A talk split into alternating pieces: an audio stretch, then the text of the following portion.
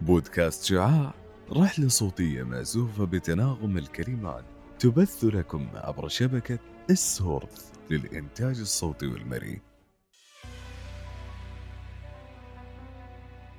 أهلا أنا ضحى عبد الرحمن ومن بودكاست شعاع أحييكم. عزيزي المستمع حلقة اليوم هي رحلة عظيمة جدا وسفر إلى بداية اللغة العربية. بداية من نبي الله إسماعيل عليه السلام. إليك أنت. حيث سننتقل إلى الأجيال القادمة وسنعبر على إحدى جلسات المتنبي وسنستمع إلى أشعار الأصمعي. عبوراً إلى الجواهر اللغة العربية. هي بالأصل لغة القرآن الكريم وهي اللغة التي تحدث بها نبينا الكريم وتغنى بها الشعراء وتغزل بها الأدباء. يقول الشاعر سليمان العيسى أنا ما برحت تألقا وسنا لغة العروبة والبقاء أنا. في بردي التاريخ أنسجه شعرا ونثرا أبهر الزمن. أطوي العصور وما شكوت بها. بنيتي ضعف ولا وهن.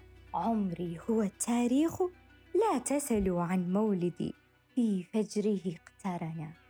والآن لتبدأ رحلتنا. بداية يمكننا تعريف تخصص اللغة العربية بأنه التخصص الذي يعنى بدراستها بجميع مجالاتها. ويرتكز على أن يصل الطلبة إلى مستوى الاحترافية والبلاغة والطلاقة في اللغة حيث يهدف إلى إكسابهم مهارات متنوعة كالتحليل والنقد والتفكير والكتابة والخطابة والبلاغة وأخيرا القراءة والاستماع. علاوة على إنتاج النصوص باللغة العربية ليصل رواد التخصص أخيرا إلى مستوى من الإبداع اللغوي. أما عن ما الذي يميز تخصص اللغة العربية تتميز لغة الضاد بأهمية كبيرة حيث أنها تمثل جزء لا يتجزأ من الحضارة العربية والتراث والأدب العربي والثقافة العربية. وتتمثل الأهمية الكبيرة التي تشكلها بأنها تصنف ضمن اللغات الإنسانية السامية التي ظلت محافظة على تاريخها اللغوي والنحوي رغما عن مرور الزمن. كما تتجلى أهميتها في كونها لغة العديد والعديد من الشعوب والقبائل منها الجزيرة العربية وبلاد الشام. ولا ننسى الدور الكبير بالتنمية البشرية في المجتمع وبناء مواطن نافع وتطوير الذات.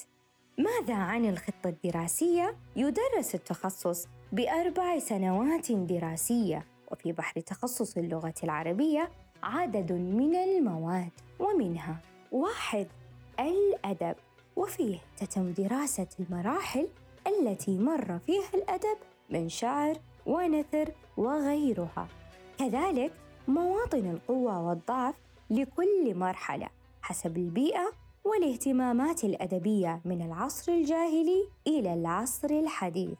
اثنان البلاغة حيث يتم التعرف فيه عن بلاغة وفصاحة اللغة من حيث الصور والخيال الواسع لإيصال المعلومات بشكل جميل متناولا أنواعها مع دراسة كل نوع دراسة مستقلة بمراحل متفاوتة. ثلاثة النحو حيث يتطرق فيه على ألفية ابن مالك على طول المراحل الدراسية مع دراسة الإعراب من كل جوانبه ومدارسها المختلفة وخاصة المدرستين البصرية والكوفية. أربعة النقد الأدبي وفيه يتم التعرف على نقد الأدب لأي شاعر أو كاتب من حيث توافقه لقواعد اللغة في كل العصور الأدبية في المحطة الأخيرة وبعد هذه المعلومات الثرية يمكن لخريج تخصص اللغة العربية العمل في مجالات عديدة منها التدريس، الصحافة مثلا كتابة وإعداد التقارير، التدقيق اللغوي، العمل بالإذاعة وكتابة المحتويات وأيضا كتابة سيناريو وقصص. ختاماً بعد هذه الرحلة العظيمة وجب أن نقر ونعترف بأن لغة الضاد لغة أثبتت وجودها على مر الزمان وعبر القرون والحضارات المختلفة وكل هذا بسبب انفتاحها وتطورها المستمر فهي مصدر إلهام لعدد من الثقافات وهي شعاع من الأشعة الملهمة لذويها لبناء المستقبل بشكل أكثر تفرد وتميز.